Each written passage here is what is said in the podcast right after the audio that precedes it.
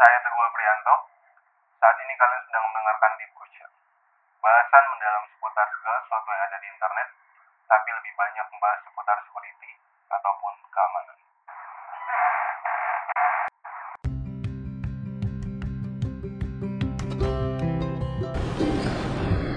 Eh, Oke, halo semuanya. Eh, jadi ini adalah podcast kedua. Hari ini eh, podcast untuk kedua ini kita mau ngebahas seputar aktivitas ethical hacking atau yang berhubungan erat dengan eh, bug bounty juga. Itu tentang hubungannya dengan eh, undang-undang ITE. Hari ini untuk podcast kedua ini saya udah kedatangan tamu istimewa eh, Pak Waludin Marwan. Jadi beliau adalah salah satu pendiri dari eh, Tordilas. Tordilas panjangannya apa ya? The Institute for Digital Law and Society.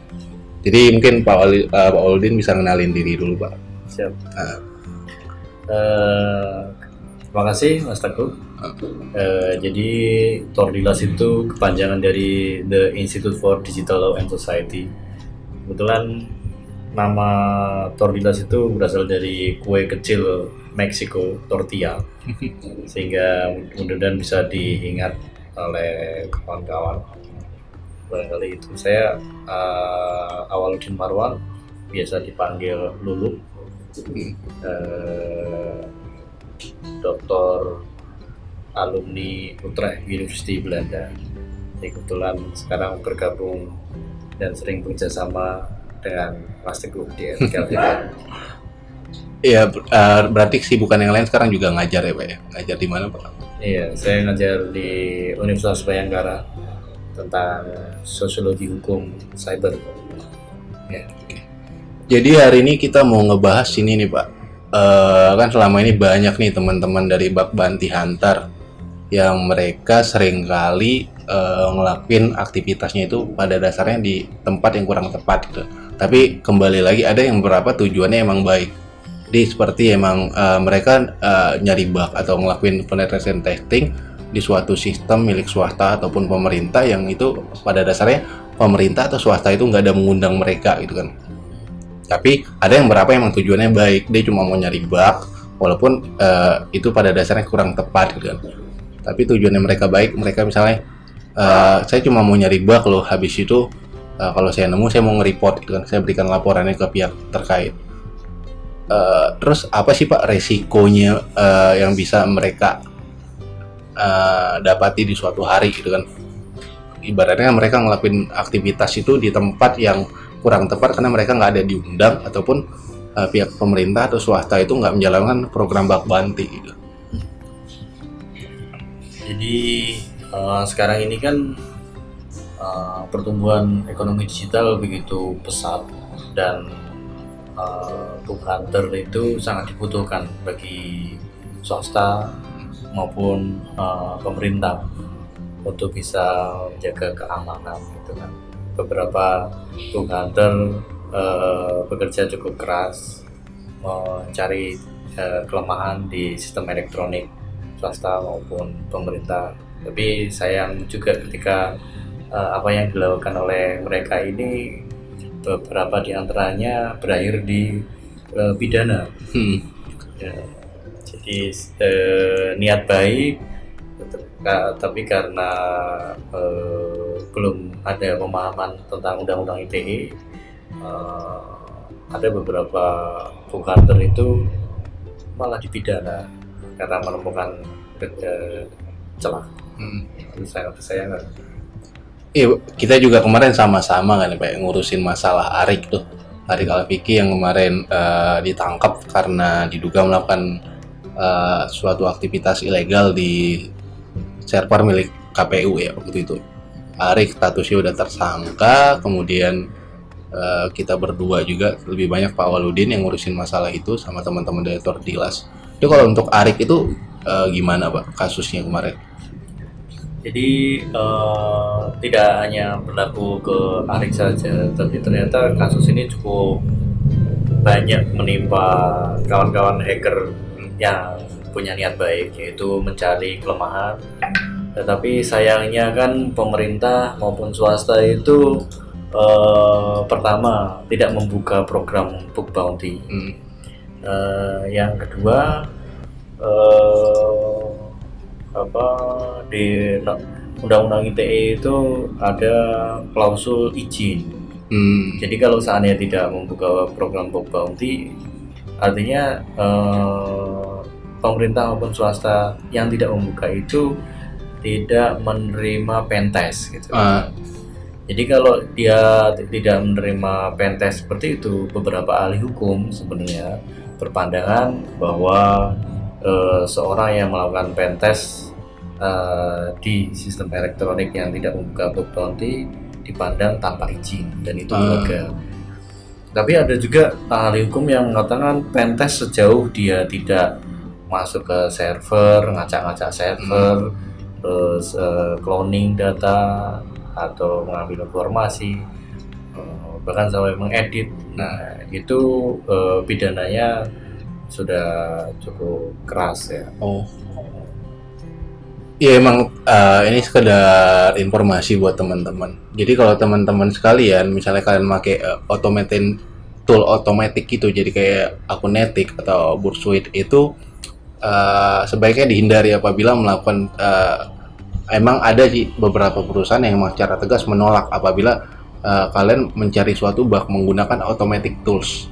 Dan begitu juga dengan karena efeknya automatic tools ini emang nggak terlalu mengganggu ya karena dia mengirimkan traffic ke server itu yang eh, sangat signifikan dan terlalu banyak. Jadi itu sebenarnya mengganggu eh, kinerja server juga. Makanya kemarin di kasus Harik itu ada yang berapa pendapat begitu gitu kan. Eh, karena di saat menggunakan eh, tool eh, automatic itu akan mengganggu eh, server itu sendiri gitu kan. Makanya banyak perusahaan bug bounty menjalankan eh, bug bounty di hacker one itu secara tegas menolak apabila eh, kalian menemukan atau kita menemukan bug eh, menggunakan automatic tools gitu kan.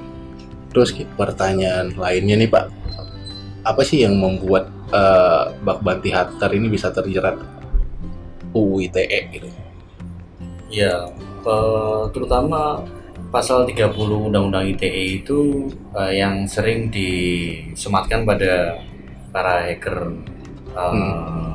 kita. Jadi eh, beberapa hacker ini kan punya apa ya kayak talenta Hmm. dan ke terutama hacker-hacker muda itu memiliki kegelisahan Hmm. untuk eh, menemukan bug eh, di situs-situs pemerintah Ah. gitu. Nah, eh, pasal 30 itu me- eh,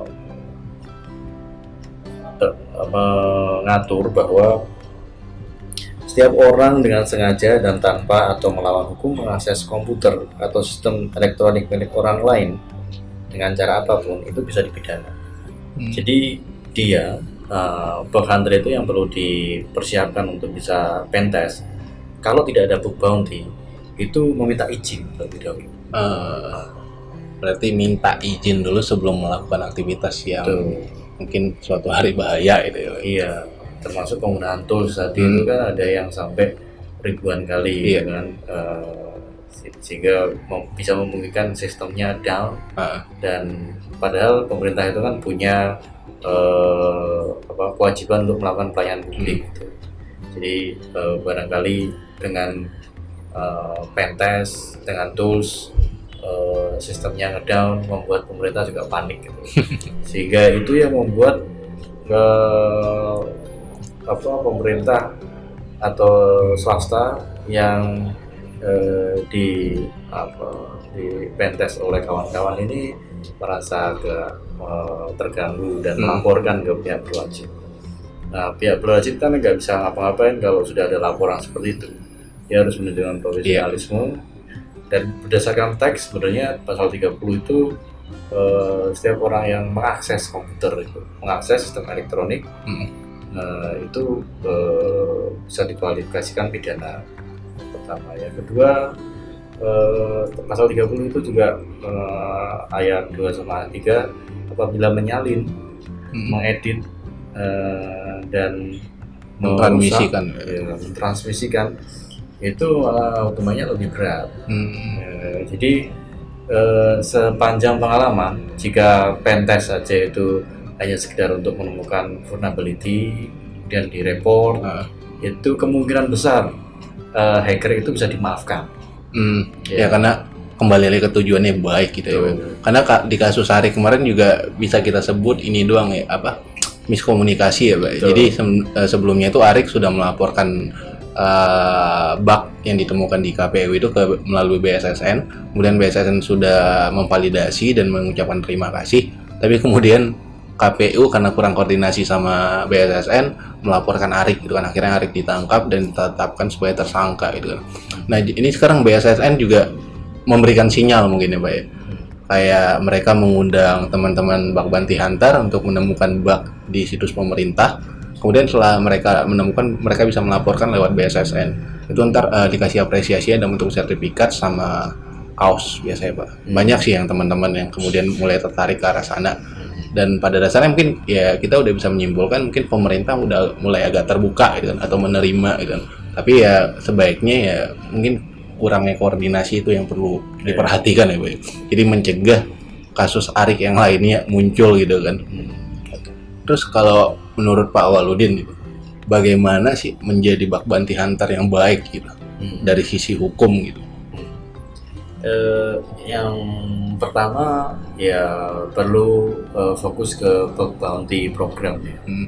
Eh, kalau seandainya ada pihak swasta ataupun pemerintah itu menyediakan program bug bounty, lebih baik eh, pentas itu ditujukan ke eh, program ini. Hmm. Kalau seandainya ada eh, pemerintah atau swasta yang tidak membuka format bounty program ini, terus kawan-kawan melakukan pentas, ya sebaiknya meminta izin. Hmm. Nah, kalau seandainya sudah diizinkan, baru eh, melakukan pentes. Tapi jika tidak, ya eh, lebih baik dihindari Hmm. ketimbang menimbulkan eh, persoalan kemudian hari. Walaupun niatnya baik, Hmm. ya, tapi niat aja kan tidak cukup. Eh, yang kedua yang perlu disiapkan adalah eh, jika terjadi eh, apa persoalan karena sudah terlanjur melakukan pentes dan terrekord eh, kemudian eh, tertangkap gitu ya segera menghubungi kami gitu nanti kita akan menyediakan bantuan hukum pendampingan eh, dan eh, kita coba untuk bisa memfasilitasi karena Hmm.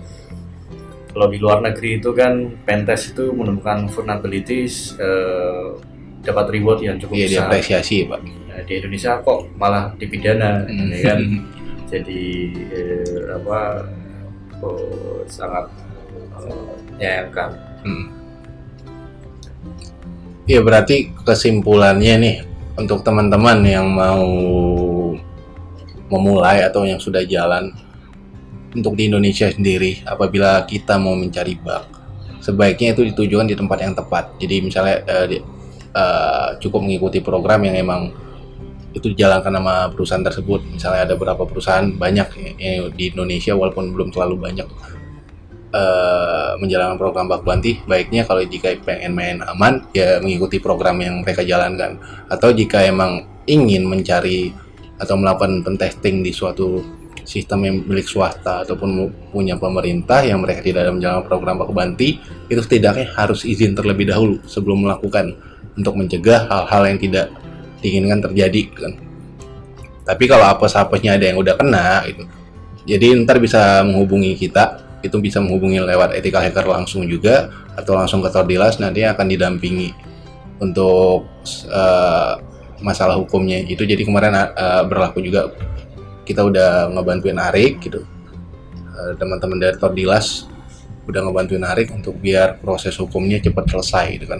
Sekarang juga masih dalam proses ya Pak ya masalah Arik Oke mungkin hari ini sekian eh, podcast dari kita. Jadi mungkin eh, teman-teman sekalian dapat pencerahan atau lebih dapat eh, apa ya kayak edukasi seputar gimana sih ngelakuin eh, atau pengen jadi bak banti hunter itu tapi nggak kenapa-napa itu atau aman-aman aja itu karena emang eh, menjadi seorang bak banti hunter ini pasti akan bersinggungan sama undang-undang ITE untuk di Indonesia dan apabila dilakukan di tempat yang kurang tepat gitu kan Jadi eh, semoga podcast kedua ini bermanfaat dan terima kasih untuk Pak Waludin yang hari ini udah berbagi sama kita, sama saya juga gitu kan. Dan untuk teman-teman eh, jika suatu hari ada yang mengalami hal yang serupa dengan Ari, nanti bisa menghubungi Ethical Hacker Indonesia dan juga eh, teman-teman dari Tordilas gitu kan. Oke, eh, terima kasih semuanya dan sampai jumpa di podcast selanjutnya. Terima kasih ya Pak. Sama-sama.